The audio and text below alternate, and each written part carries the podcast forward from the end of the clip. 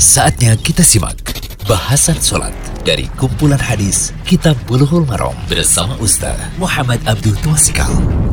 Bismillahirrahmanirrahim. Assalamualaikum warahmatullahi wabarakatuh. Alhamdulillah. Salatu wassalamu ala rasulillah wa ala alihi wa wasallam. Kali ini kita berada di audio ke-158 dari pembahasan kitab Bulughul Maram karya Ibnu Hajar Asqalani kitab salat bab salat at-tatawwu. Kita lihat hadis ke-11 atau 360 dari kitab Bulughul Maram. Hukum dua rakaat qobliyah maghrib. Hadisnya an Abdullah bin Mughaffal al-Muzani radhiyallahu anhu ani Nabi sallallahu alaihi wasallam qala Sallu qabla al-maghrib sallu qabla al-maghrib summa qala fi salisa liman sya'a karahiyata ayat takhidha nasu sunnatan rawahul Bukhari. Dari Abdullah bin Mughaffal al-Muzani radhiyallahu anhu Nabi sallallahu alaihi wasallam bersabda Salatlah sebelum maghrib Salatlah sebelum maghrib Yaitu maksudnya qobliyah maghrib Kemudian pada kali yang ketiga beliau bersabda bagi siapa yang mau.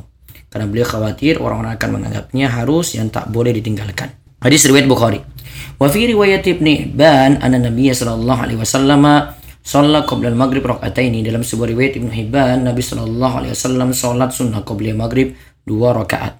Terus hadis ke-12 atau 361 dari kitab Bulughul Maram wali muslimin An Anas radhiyallahu anhu qol, "Kunna nusalli rak'ataini ba'da ghurubi syamsi."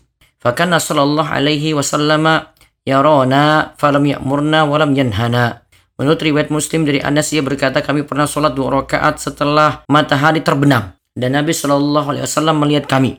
Beliau tidak memerintahkan dan tidak pula melarang kami. Hadis riwayat Muslim. Nah, faedah hadis yang pertama, hadis ini dijadikan dalil mengenai anjuran sholat sunnah qobliyah maghrib.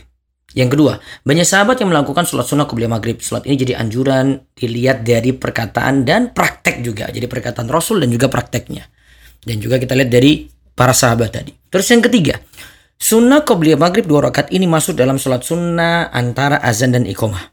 Terus yang keempat, sholat sunnah qobliyah maghrib ini tidak termasuk dalam sunnah rawatib muakkad sehingga tidak dianjurkan merutinkannya karena nanti dianggap sama dengan rawatib lainnya.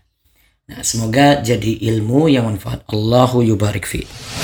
Demikian bahasan sholat dari kumpulan hadis Kitab Bulughul Maram bersama Ustaz Muhammad Abdul Twasikal.